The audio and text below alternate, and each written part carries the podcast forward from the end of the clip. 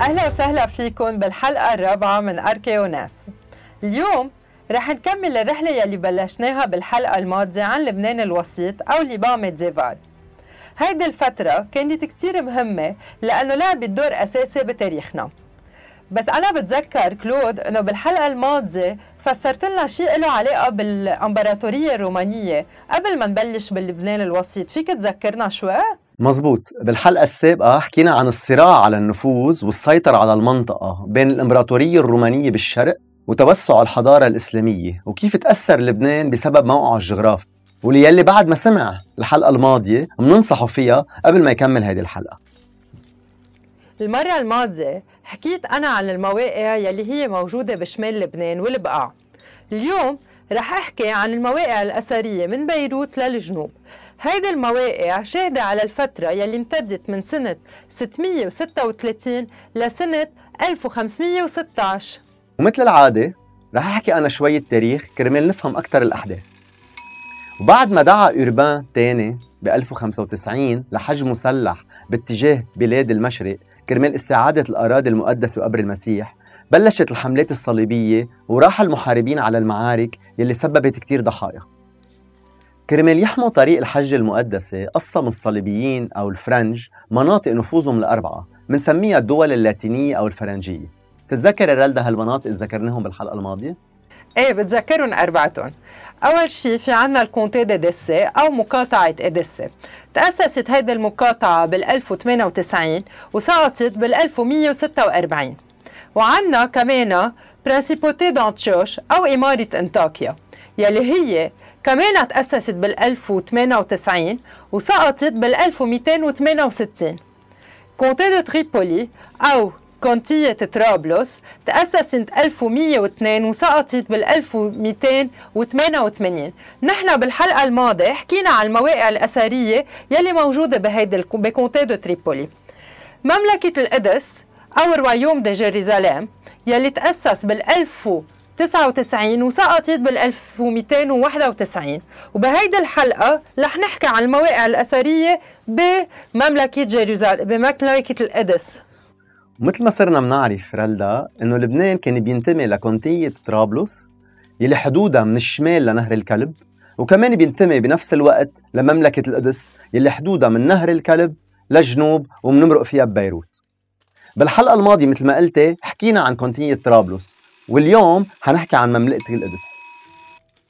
ب 1099 بعد ما حاصر الصليبيين القدس اقتحموا المدينة وعملوا مجازر للسيطرة عليها وراح عشرات الآلاف من الضحايا بحسب بعض المؤرخين. وبعد ما سقطت المدينة اجتمع الأمراء وقرروا انتخاب ملك للقدس وتوزيع الأراضي. بس بالأول صار في خلاف على مين بيكون الحاكم. من أبرز المرشحين كان غودفروا دو بويون duc فرنسي وقائد جيش. وريمون الرابع دو تولوز يلي معروف كمان بريمون دو سانجيل يلي صار حاكم كونتية طرابلس يلي ذكرناها بالحلقة السابقة. ريمون دو سانجيل كان كمان صديق للبابا يوربان الثاني. انحل بعدين الخلاف ووقع الخيار على غودفروا دو بويون يلي رفض إنه يصير ملك القدس وقال إنه ما في يلبس إكليل من ذهب والمسيح لبس إكليل من شوك. فحط حاله خادم ومدافع عن الكنيسة وحامي القبر المقدس. هيك تأسست مملكة القدس أو royaume de Jérusalem بالشرق مع غودفروا دو بويون عام 1099 وهو كان أول حاكم بعد الحملة الصليبية الأولى.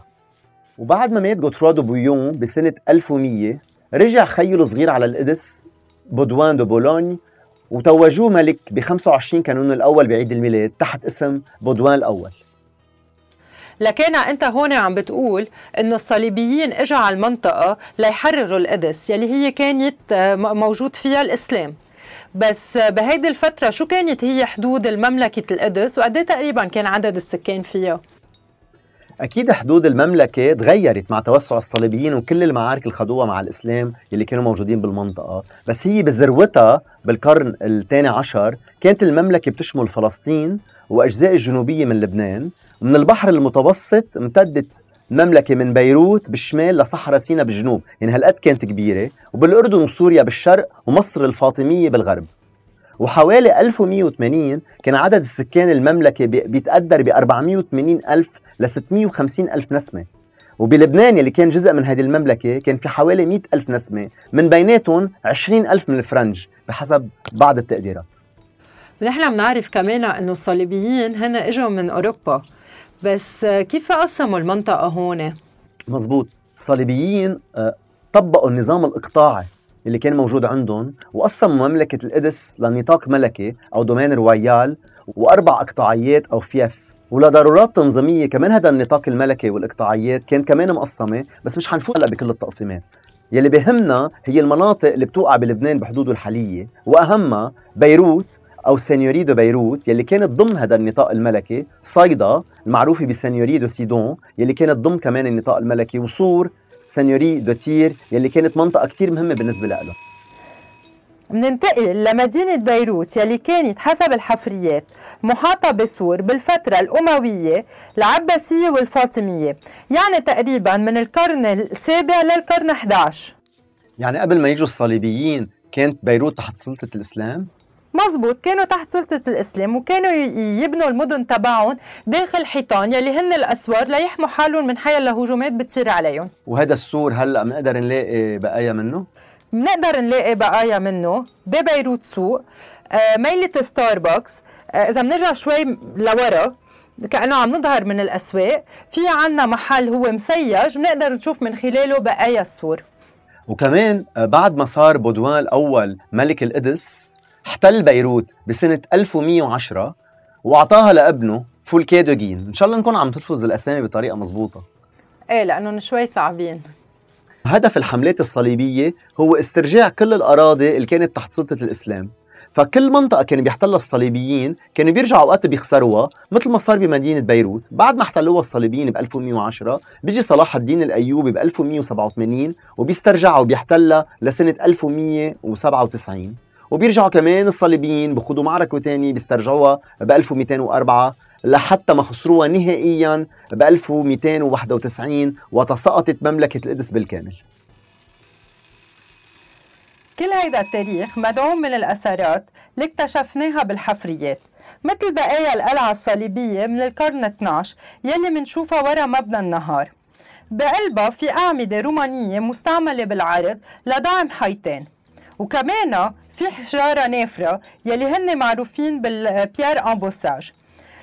هيدا القلعة دمرت وباقي كتير آه، آه، جزء صغير منها دمرت بسبب القصف الروسي بالفترة العثمانية وبنفس الوقت كمان بسبب العمارة الحديثة يلي صارت بالقرن التسعة عشر هلأ بدنا نروح على كنيسة مار يوحنا يلي هي تعمرت بالقرن ال 12 وبقيت كنيسة لحتى فترة المماليك.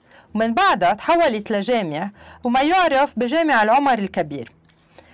هيدا المبنى حافظ على كل الخصائص يلي لهم علاقة بالكنيسة. يعني منشوف عنا بميلة الشرق التروز أبسيد. هول الأبسيد هن عادة بوقت ما كانت كنيسة كان في موجود المذبح. أما حاليا صار في باب يلي هو المدخل على الجامع.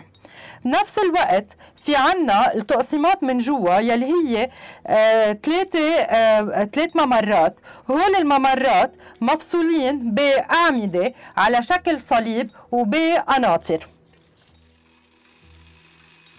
كلنا سامعين بساحة الشهداء أو ساحة البرج يلي سميناها على اسم برج برج الكاشف.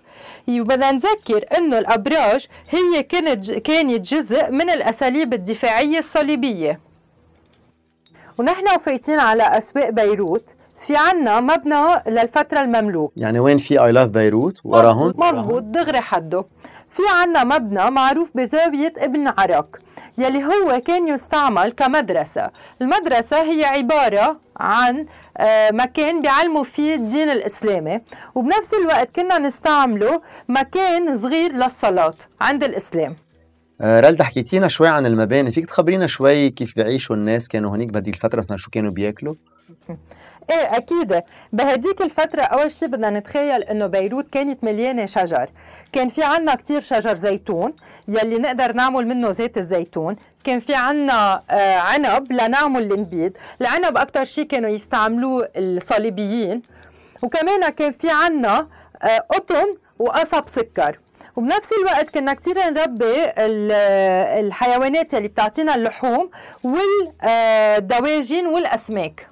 وهلأ مننتقل لمدينة صيدا يلي كانت من 1110 ل 1289 إحدى الإقطاعيات الرئيسية لمملكة القدس.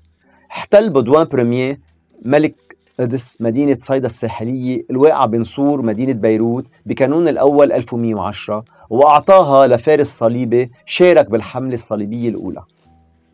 غزاها صلاح الدين الأيوبي ب 1187 ورجعت جزئيا للصليبيين ب 1192 وبعام 1260 دمر المغول المدينة وقام جوليان حاكم صيدا ببيعة للفرسان الهيكل المعروفين ب l'ordre du Temple أو les وب 1289 تم غزوها نهائيا من قبل العرب الإسلام يلي بسمون ال Sarrasins ومن المعالم المهمة بصيدا القلعة يلي انبنت سنة 1228 وهي عبارة عن قلعة بحرية وبرية موصولين بممر وكمان في برجين موصولين بحيط بيناتهم في عواميد لدعم هيدول الحيط والهيدي التقنية كتير مستعملة بالقلعات الصليبية. وهلأ رح ننتقل على مدينة سور الشهيرة. استولى الصليبيون على سور عام 1124 وصارت ضمن النطاق الملكي تبع القدس. كان المينا الوحيد اللي قاوم صلاح الدين الأيوبي سنة 1187 تحت قيادة كونرا دو مونفيرا اللي أطلق على نفسه اسم أمير سور وصار بعدين هو ملك القدس. من أهم المعالم الأثرية بسور كاتدرائية سور من القرون الوسطى. كانت مقصودة من الحجاج وعرفنا هيدا الشيء من خلال الرسومات لأنه كانوا يرسموها كتير. ولكن هدمت ال cathédrale بعد زلزال 1837 وللأسف استعملنا قسم كبير من الحجارة لنعمر أشياء تانية. حفر موريس شهاب هيدا الموقع مع البعثة الألمانية وقدروا يلاقوا آه، fresques murales أو رسمات على الجدران ولكن انتقلوا كلهم على برلين. من خلال الحفريات عرفنا إنه بالفترة العربية عنا صناعة الإزاز وهيدا الشيء ظاهر حاليا بالموقع من خلال حجرة كبيرة مؤلفة من بقايا إزاز. وكمان بهيديك الفترة استعملنا الحمامات الرومانية كأفران كلس.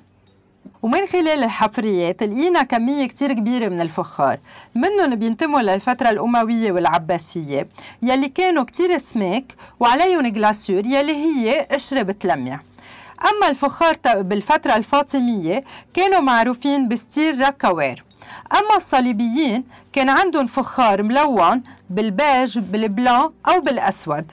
وكانوا يستعملوا بالمطبخ كصحون للأكل أو للشرب.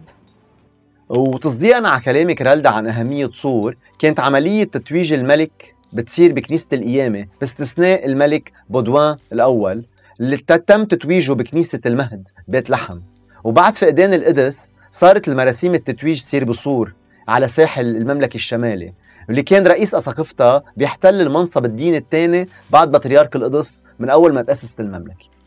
بالجنوب كمان في كتير مواقع أثرية وحصون جبلية مثل قلعة شقيف الميس قلعة حصن بسبلين قلعة مخدوشة قلعة الحصن بالنبطية والدبية. أنا رح أحكي شوي عن قلعة شقيف يلي هي معروفة ب Château de Beaufort يلي هي انبنت من أمر من الملك القدس. كانت القلعة مستعملة بالفترة الرومانية وانبنيت على آه، حجر صخري. وكانت القلعة مثل غيرها من من المباني فيها خزانات مي وأوض يقدروا يعيشوا فيها in case صار في حصار. في قلعة تانية مهمة قلعة نيحة أو مغارة تيرون هي محفورة بصخرة بتطل على مرج بسري. شكلت للصليبيين حصن ليراقبوا الطريق بين صيدا ووادي البقاع. انذكرت لأول مرة بسنة 975 وبعدين ب 1133 وتم السيطرة عليها بالتناوب من قبل الصليبيين والمسلمين المحليين حتى تدميرها بالكامل آه، بسنة 1261 هي شكلها شكل كهف على عمق أكثر من 100 متر فيها غرف انحفرت كرمال يقعد فيها العسكر وكمستودعات للأعمال المنزلية وكمان وفرت الموارد المائية من خلال نظام بجمع الأمطار وبينقلوا فيه المي عبر انبوب من نبع عين الحلقوم. في عدد كتير كبير من الصوامع لنخزن فيها المؤن وهي كانت قاعة كتير محصنة ومحاطة بحيط في عنده فتحات. رلا التحدي الأساسي بجنوب لبنان هو عدد القليل من الحفريات والدراسات اللي صارت إذا منقارنها بشمال لبنان بسبب احتلال الجنوب لفترة كتير طويلة من العدو الإسرائيلي والدمار كمان اللي لحق بالمناطق وما بستغرب إنه إذا انسرقت كميات هائلة من الأثارات. على أمل إنه بالمستقبل يصير في دراسات وحفريات على هيدي المنطقة ونعمل بركة حلقة آه، تانية عن الجنوب. أكيد لأنه بعد في كتير مواقع بنقدر نحكي عنها بس آه، ناطرين الدراسات. بهيدي الحلقة تعرفنا على المواقع الأثرية الموجودة بلبنان اللي بتنتمي لمملكة القدس.